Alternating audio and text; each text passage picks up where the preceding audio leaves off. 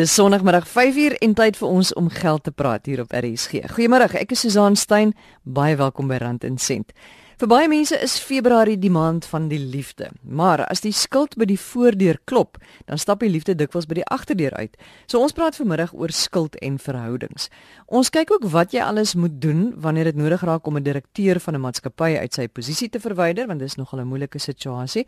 Maar ons begin met nuus oor as jy 'n bietjie ekstra kontant iewers het en jy wil dit graag spaar, maar jy wil maksimum belastingvoordeel daaruit trek. Wat moet jy doen? Om ons meer hieroor te vertel, is Karl Lategan, hoof van onafhanklike adviseursdistribusie by Ellen Gray by ons in die ateljee. En Karl, dis nou die einde van die belastingjaar, die 28ste Februarie. So hoekom sê julle is dit hierdie tyd van die jaar 'n goeie tyd om hierna te kyk? Dis 'n goeie geleentheid om jou huidige belastingstand van sake te evalueer, te kyk waar jy is, wat jy kan doen, natuurlik wat jy moet inbetaal of nie. Maar ek dink die tweede gedeelte wat baie belangrik is, is om 'n oorweging aan te gaan om te kyk hoe jy van die voordele wat die regering daar gestel het met sekere produkte vir jou te kan laat voordeel kry en om minder belasting te kan betaal op daardie gegeewe oomblik ook. Ek dink dit is half die die grootste faktore vir my as dit kom by die einde van van Februarie die jaar. Kom ons kyk gou na die produkte. Die produkte waarvoor ons kan kyk natuurlik is aftreefondse. Ek dink dis baie belangrik. Dis die mees algemeen een vir mense. En dan as ons teruggaan na Maart 2015 toe, weet ons die regering het ook natuurlik 'n bekendstelling gemaak van die belastingvrye spaarproduk. Dis natuurlik 'n produk waar jy met nabelaste kapitaal kan spaar, maar die voordeel wat jy kry is dat enige van die opbrengste binne in die produk is natuurlik dividendbelastingvry, die belasting op rente is vry en ook kapitaalwinsbelasting is nie van toepassing nie.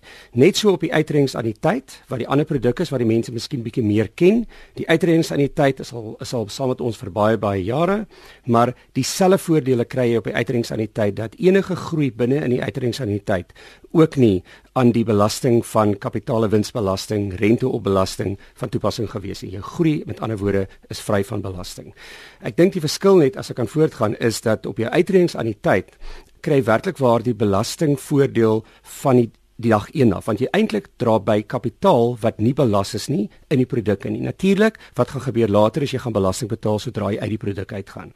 Wat met die belastingvrye produk gebeur is is dat jy belasting reeds betaal het op die kapitaal wat jy in die produk sit, maar dat enige onttrekkings daarna wel belastingvry gaan wees. So wanneer ons kyk na hierdie aftree aan die tyd byvoorbeeld, dit is nie noodwendig iets wat die persoon het of in belê hmm. wat 'n vaste werk by iemand het nie, wat 'n permanente werknemer is nie. Hy het ander of sy het ander beleggingsprodukte. So aftree aan die tyd gaan nie noodwendig vir daai persoon tot voordeel wees nie. Die aftree aan die tyd kan 'n voordeel wees vir enige individu. Ek meen, ehm um, die interessante ding van aftree aan die tyd te deesdae is die mense verkies dit aangesien jy van een werk na ander kan skuif van die aan die tyd saam nie, wat baie belangrik is. Tipiese beleggingsinstrumente soos pensioenfondse of voorsorgfondse moet die persoon fisies uit die fonds uittreë, hy moet hom bewaar en dan eers oordra na 'n maatskappy toe. So uitreks aan die tyd vir individue of hulle werk in 'n koöperatiewe hoedanigheid of miskien 'n entrepreneur is, kan ook werk vir hulle. Dis belangrik want die belastingvoordeel bly presies dieselfde vir die individu waar dit word regtig geskwee rondom jou inkomste wat jy verdien en dan is daar sekere hoeveelheid belastingvrye bydrae wat jy in 'n jaar kan maak. So of ek nou 'n persoon is wat R15000 'n maand verdien en of ek 'n persoon is wat R150000 'n maand verdien, enige een van ons kan voordeel trek hier uit. 100% reg. En ek dink as ons praat van die uitredingsaniteit spesifiek, is dit die produk wat regtig waar voor in die lyn staan as dit kom by belastingeffektiwiteit vir individue wat belê. Die belasting ehm um, spaarplan of die vry van vry van belasting regtig waar spaarplan wat hulle uitgebring het later is vir enige individu ook wat nie noodwendig vir aftrede voorsiening maak nie. Maar wat die regering gedoen het, hulle het gesê hulle wil graag daar 'n produk stel om ons publiek te kan leer om te spaar. Want ek meen soos ons dalk weet die Suid-Afrikaanse publiek is nie baie goeie spaarders nie sover dit uh, wêreldstandaarde aangaan nie. En ek dink die laaste statistiek wat ek gekry het omtrent um, einde laas jaar was omtrent 4.5% van individue kan suksesvol aftree op huidige inkomste. So ek dink die regering het goeie stappe geneem om hierdie produk in plek te stel. Maar om terug te kom na jou vraag toe ek dink enige individu wat 15000 of tot en met 150000 verdien albei van hierdie produkte is van toepassing op hulle Wanneer is dan nou 'n goeie tyd om hierdie bydrae te maak? Voor die einde van Februarie as jy 'n ekstra ja. bedrag wil insit. 100% reg, want ek dink hoe dit werk is dat gedurende jou belastingjaar wat natuurlik van 1 Maart tot 28 Februarie die volgende jaar is, gee dit vir jou die geleentheid om bydrae te maak tot die uitredingsaanniteit en tot sover dit gaan jou belastingvrye beleggingsspaarplan. Maar hoekom dit so belangrik is vir die 28ste want sodra jy in die nuwe belastingbejaar ingaan, verloor jy of verbeur jy daai geleentheid om eintlik daai belastingvrye bydraes te kan maak. Ek dink 'n baie ander belangrike punt om ook te maak is vanaf 1 Maart 2016 het die belastingvrye koers of bedrag wat jy kan bydra verhoog van 15% na 27.5% van jou inkomste wat nogal 'n baie goeie toegewing van die regering se kant af is. Met ander woorde, hy wil regtig die individu aanspoor om voorsiening vir aftrede te kan maak. Is daar 'n punt wat dit nie, nie meer sin maak om ekstra geld in in hierdie fonds te belê nie? Wel, die belangrike aspek wat ek nog nie genoem het is dis natuurlik dat daar 'n plafon is as ek so kan stel van 350 000 rand wat die maksimum is wat jy wel kan bydra gegee hierdie 27.5% van jou inkomste of remunerasie. So enige kliënt, 'n hoë netto batewaarde kliënt wat meer as 1.2 miljoen 'n jaar verdien, sal natuurlik daai plafon baie maklik bereik van 350. Maar ek dink wat belangrik is is dat al spaar jy meer as 27.5% per jaar is dit nie tot nut nie want jy kan daardie kapitaal oordra na die volgende belastingjaar toe en dit oorrol na die volgende belastingjaar toe. So in ander woorde, jy gaan regtig net die voordeel daaruit trek al gaan jy nie die maksimum benutting van die belastingvoordeel kry nie, jy gaan nog steeds spaar vir jou aftrede wat goed is. Het jy toegang tot hierdie beleggings van jou enige tyd? So op die uitredingsaanniteit het jy nie toegang tot jou kapitaal tot en met ouderdom 55 nie. Dit is die vervroegde aftrede ouderdom. Daarna natuurlik kan jy die kapitaal neem wat beteken 1/3 kan jy in kontant neem en 2/3 moet jy 'n lewende anniteit mee koop. So die reëls van die uitredingsaanniteit is nogal baie sterk en persone moet gemaklik wees met die beperkings daarbinne. Daar is sekere wetgewings of sekere reëls, spesiale reëls wat jou toelaat om natuurlike kapitaal te kan kry, waarvan een byvoorbeeld is immigrasie byvoorbeeld. Uh jy kan aansoek doen om dan jou kapitaal te kry uit jou uitredingsaanniteit uit of natuurlik as jy permanente ongeskiktheid het en daar is 'n verklaring wat dit kan bewys, dan kan jy die kapitaal uittrek. Maar as 'n reël kan jy nie jou kapitaal voor ouderdom 55 kry nie. By die belastingvrye belegging aan die ander kant kan jy kapitaal enige stadium kry. Maar wat baie belangrik is hierso is, jou minimum jou maksimum bydrae per jaar is 30000 wat jy in die die, die belastingvrye produk kan doen tot 'n lewenslimiet maksimum van 500000 solank jy lewe. So as jy R30000 belê het en jy onttrek R25000, kan jy nie net volgende maand weer 25 terugsit en dit vervang die oorspronklike bedrag nie. Dit word gesien as 'n nuwe 25000. Met ander woorde, jou bedrag gaan op na 55000 toe. Jy kan nie net die 30 vervang met die wat jy uitgehaal het nie. So kliënte wat in die belastingvrye spaarproduk belê, moet gedissiplineerd wees om die kapitaal in te sit en vir die volle termyn te kan belê sodat hulle die groei, saamgestelde groei kan kry op die produk wat belastingvry kan wees. Enige voordele in die boedelbeplanning of sê maar trusts? Eerstens wat baie belangrik is is dat jou uitredingsaanniteit vorm nie deel van jou van jou boedel nie en is ook nie belasbaar nie. Ek dink die belastingvrye belegging spaarplan, as dit 'n lewensproduk is, kan jy ook begunstigdes noem. Wat beteken dit gaan wel deel vorm van jou boedel, maar daar gaan nie eksekuteurs voor jou wees wat betrokke is op daai tipe produk nie. So die uitredingsaanniteit sover dit kom van beplanning van belasting af, is 'n baie effektiewe produk, nie net van 'n belastingsparing gedurende die produk nie, maar ook na aftrede of selfs na afsterwe is dat dit hy van 'n boedelbelasting oogpunt af 'n baie voordelige produk kan wees. Hoe moet ek nou weet watter een van hierdie twee beleggingskeuses ek nou moet vat?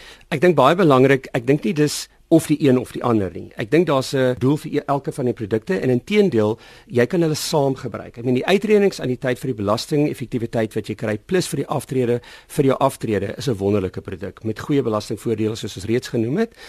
Die belastingvrye beleggingsplan is daar vir jou om addisioneel te spaar. Maar selfs as jy kyk na kinders byvoorbeeld, ek meen jy gaan nie noodwendig vir jou kinders uitredingsariteit uitneem as hulle klein is nie. Dit maak nie sin nie. Maar jy kan wel vir hulle belastingvrye produk uitneem waar jy vir hulle 30000 wegsit. Jy gee vir hulle die saamgestelde groei oor tyd want hierdie produk is nie vir 'n korttermyn beplan nie. Hy's vir 13, 14, 15 jaar en langer. So jy kan altyd produkte gebruik as 'n individu. Jy hoef nie net die een of die ander te kies nie. En ons sê die spertyd is 28 Februarie. 28 Februarie teen 28 Februarie moet jy reeds in hierdie produkte wees. Jy moet reeds jou besluite gemaak het voordat daai klok 12 vir die aanslaan vir die 1 Maart. Daar sê, so as jy daai ekstra geldjie het, gaan belê dit voor die 28ste. Dis nou môre oor 'n week, volgende maandag. As jy daai ekstra belastingvoordeel wil hê wat jy nog het in die 2016 belastingjaar. Dit was Karl Lategan, hy is die hoof van onafhanklike adviseursdistribusie by Allen Gray. Jy luister na RSG 100 tot 104 FM op jou radio www.rsg.co.za op die internet of die DStv kanaal 813. Ons het nou gepraat oor anniteite om in te belê as jy 'n bietjie belastingvoordeel op jou spaargeld wil kry. Maar 'n luisteraar het vir my 'n e-pos gestuur en gesê ag nee wat man, ek het 'n anniteit gehad my hele lewe lank daarin belê en toe ek uiteindelik die geld wil kry, toe sien ek dit het maar baie baie baie min gegroei. Nou ek het persoonlik ervaring daarvan aan die tyd gehad en toe ook op 'n dag agtergekom dat daar was baie baie min groei na in die tyd. Nou sê die kenners vir my dit hang af waar daai anniteit of waar daai geld belê is en wie daai anniteit bestuur. So ek belowe ons gaan iemand inkry om daaroor te gesels en te kyk en seker te maak dat 'n mens dan nou die regte anniteit uitneem. As jy veral as jy nou nie 'n pensioenfonds het nie, as jy 'n vryskutwerker is en jy wil 'n pensioenfonds hê, dan is 'n anniteit dikwels 'n goeie manier ook om 'n uh, bietjie geld in te belê. So ons gaan nog daaroor praat. Maar nou eers skuld en verhoudings. Op die lyn is Wikus Olivier, hy's 'n skuldberader by DebtSave en Wikus Soos ek vroeër gesê het, Februarie is veronderstel om die maand van die liefde te wees en baie mense het dan nou ook seker met Valentynsdag uitgegaan, duur geskenke gaan koop, miskien self skuld gemaak om 'n geliefde mee te beïndruk. Maar jy sê jy sien daagliks hoe skuldverhoudings baie baie sleg kan benadeel. Dan skuld en finansies is die grootste rede hoekom mense se huwelike verbrokkel. Ons sien dit elke dag in ons bedryf waar die vrou voor ons kom sit en sy sê moet asseblief net nie my man sê van dit nie. En dan probeer sy die skuld wegsteek vir haar man of 'n jong getroude paartjie die een bring 'n lot skuld in die huwelik in wat hy nie vir sy vrou of vir haar man van gesê het nie wat dan ook die probleme veroorsaak. En dan probeer hulle dit onder die mat sien en dan probeer hulle ontslaa raak van dit en dit draai altyd 'n gemors uit. Kommunikasie is so belangrik wanneer dit in 'n huwelik kom oor die algemeen, maar kommunikasie oor die finansiële aspek van 'n verhouding is die belangrikste. Dit is so belangrik dat wanneer jy in 'n verhouding intree en jy bly saam of 'n huwelik, laat elke ou weet wat finansiëel dra die ander maat binne by tot die huwelik en hoe ons ons finansies gaan bestuur. Gaan ons dit saamgooi, gaan ons dit apart doen? Wie is verantwoordelik vir watter tipe uitgawes? Daar's soveel maniere wat 'n ou dit kan benader, maar die mense praat net nie daaroor nie want hulle dink dit is 'n taboe onderwerp en daai feit dat hulle dink dit is taboe gaan hulle verhouding laat verbrokkel op die einde van die dag. So jy sê mense moet gaan sit, albei paartjies moet gaan sit. Hulle moet kyk of albei partye in 'n paartjie moet gaan sit en kyk wat dra ek by? Wat is wat is my inkomste? Wat is jou inkomste? En stel 'n gesamentlike begroting op of hoe moet 'n mens dit dan nou doen? Jy moet besluit hoe wil jy dit hanteer? Wil jy elkeen proporsioneel bydra tot jou inkomste byvoorbeeld? Want as jy huishoudelike inkomste as jy mens nou op 100 000 rand is en een verdien 40 aan 61 dan gaan 41 en die ander 61% bydra tot die uitgawes. Dit is een manier hoe ou dit kan doen. 'n Ander manier is dat jy sê maar vat jy byvoorbeeld die hondekos en die tuindienste en ek vat die mediese fonds en en dit dan kan jy sekere items na na sekere uh, ou se begroting toeskuif. Elke ou moet maar gaan sit en gaan kyk wat werk vir hom. Maar die belangrikste is dat daai uitgawes net op tafel gesit word. En veral wanneer daar skuld te sprake is, dat as jy 'n maat het en en jy weet jy het jy bring 'n bietjie skuld na die na die partytjie toe, sodat op die tafel dat jy kan sien maar hierdie is die skuld terugbetalings wat van jou verwag word op 'n minimum maandelikse basis en dat jy weet hoe dit jou huishoudelike begroting affekteer. Want as jou maat dink jy verdien R20000 'n maand, maar helfte van dit eintlik statisties gesproke gaan 75% van jou besteedbare inkomste aan skuld. As 75% van jou besteedbare inkomste nou iewes skielik nie daar is nie en jou maat dink maar ons kan intedeel nou hierdie bekostig en jy praat nie oor daai skuld nie dan gaan dit probleme veroorsaak. So kommunikasie is is die geheime woord daar. Because maar mense hoor dikwels van iemand wat op 'n manier uitvind dat een van die twee partye het gaan skuld maak en dan sit die ander een met die gebakte pere. Ja, dit is so belangrik dat as jy as jy in 'n in 'n huwelik tree, die die manier hoe jy dan nou trou, wat so huwelikskontrak en voorwaardes jy in plek stel, want aanspreeklikheid is 'n geneek. Ons het dit soveel keer al gesien waar die man byvoorbeeld gaan skuld maak het op die vrou se naam of andersom en dan sit daai party met die rekening en dit moet terugbetaal word. Kyk, die bank sê nie om wie dit betaal nie, hulle wil net hulle geld terug hê. Aan die ander kant is daar al hierdie hartseer en gebroke huishoudings wat nou met sien kom klaar en moet plan maak om hierdie geld by te bring. So om 'n behoorlike huweliksvoorwaarde kontrak in plek te hê wat vir jou sê hierdie is myne, daai is joune en dit is hoe ons dit gaan hanteer is van kritiese belang. En dan dat jy ook weet hoe lyk jou maat se spanderingsgewoontes. As jy dalk 'n gemeenskaplike rekening het, hoe lyk die toegang tot daai rekening en wat is julle plan op besteding in daai rekening? Want jy wil nie een maat hê wat nou byvoorbeeld die maand se begroting gaan blaas in 'n dag wat nie volgens julle begrotingsplan is nie. En 'n maat wat dalk bankrot verklaar word, het ook 'n effek op 'n ander maat. Dit is nou weer waar die huweliksvoorwaarde kontrak inkom en wat jy daarin sê affekteer weet wanneer dit nou geskei word want wanneer 'n ou in die huwelik tree is dit alles maanskyn en rose maar jy stel daai ding op vir wanneer dinge nou suur raak en jy jou paadjies moet nou dalk skei. Jy het net nou gesê elkeen in die huishouding moet ietsie bydra tot die huishouding. Baie gevaarlik wanneer die een maat sê die huis is in my naam en ek betaal die huis vir ons af. Jy kan verniet hmm. bly, maar jy betaal die lopende uitgawes soos die kos en die water en die ligte, want dan kan jy op 'n dag sit sonder enige iets terwyl jou maat nou net sy of haar eie huis afbetaal het. Kyk, 'n groot deel van dit sal vasgevang word in hulle huweliksvoorwaarde kontrak wat nou sê hoe hoe hulle getroud is. Maar as jy byvoorbeeld finansiering gedoen op 'n huis en dit is in beide se naam, dan is daar eiendomsreg ook op beide. En dan kom met 'n regskenner te gesels daaroor en sê kyk hier is hoe ons die uitgawes wil hanteer. Daar's ons eiendoms en ba en en en bates en goed wat betrokke is hierso. Hoe hanteer ons dit? Dis die plan. Is dit goed? Is dit nie goed nie? Dit sal ook basies om met 'n regskenner net te gesels daaroor voordat jy dinge vasmaak. Dan. Wie is 'n laaste woord van jou hieroor? Wat sal jou laaste wyse woorde wees aan luisteraars wat nou in hierdie posisie sit wat miskien in 'n verhouding is of in 'n huwelik is en skuld kan dalk 'n probleem wees? As jy nou een gesamentlike huishoudelike begroting het, is is dit goed. Dit is nodig. Maar jy moet ook onthou dit is in 'n huwelik is dit twee individue dit is nie noodwendig die beste ding om nou eers skielik alles saam te gooi nie. Jy moet nog steeds jou eie mens ook kan wees en jou eie begroting hê met jou eie finansiële doelwitte en so. So om 'n bietjie onafhanklikheid te behou wanneer dit kom by verhoudings en finansies is ook belangrik want dit laat jou voel jy is ten minste jou eie mens, jy kan jou eie dinge ook doen en dit behaal 'n bietjie van die stryery uit wat moontlik daar kan wees. So dan het jy jou jou huishoudelike goed wat gesamentlik is, maar jy kan ook nog steeds jou eie ding doen daai is eintlik baie belangrik. Wikus baie dankie. Dis Wikus Olivier, hy's 'n skuldberader by DebtSafe. Nou voordat ons groet, jy is in 'n maatskappy betrokke. Een van die direkteure het nie gedoen wat hy moes doen nie of doen nie wat hy moet doen nie. 'n Baie moeilike situasie. Wanneer weet jy dis nodig om hom uit sy posisie te verwyder? By my ateljee, Nicoline Skumanlou van Skumanlou ingelyf. Nicoline, wat sê jy?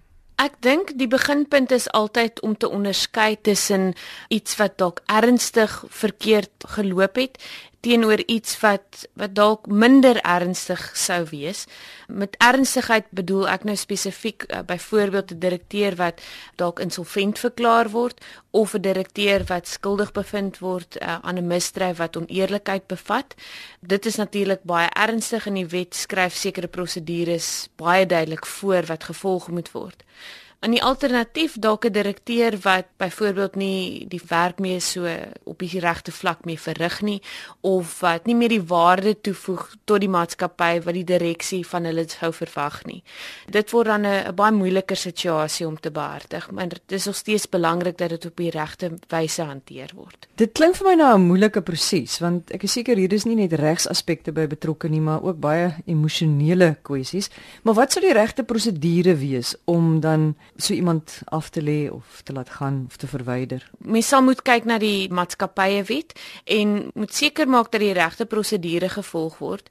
So in die geval van 'n direkteur wat ook in 'n werknemer verhouding staan, sal die arbeidswetgewing se prosedures gevolg moet word.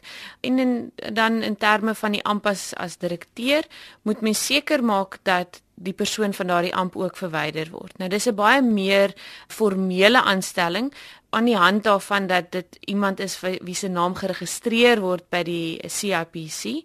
So daar's 'n baie meer formele proses wat gevolg moet word en dokumente wat geteken moet word. Ek kan maar dink, ehm um, is dinge uh, relatief onsmaaklik geraak het tussen die partye, dan word dit regtig moeilik om van hierdie ehm um, stappe te kan volg.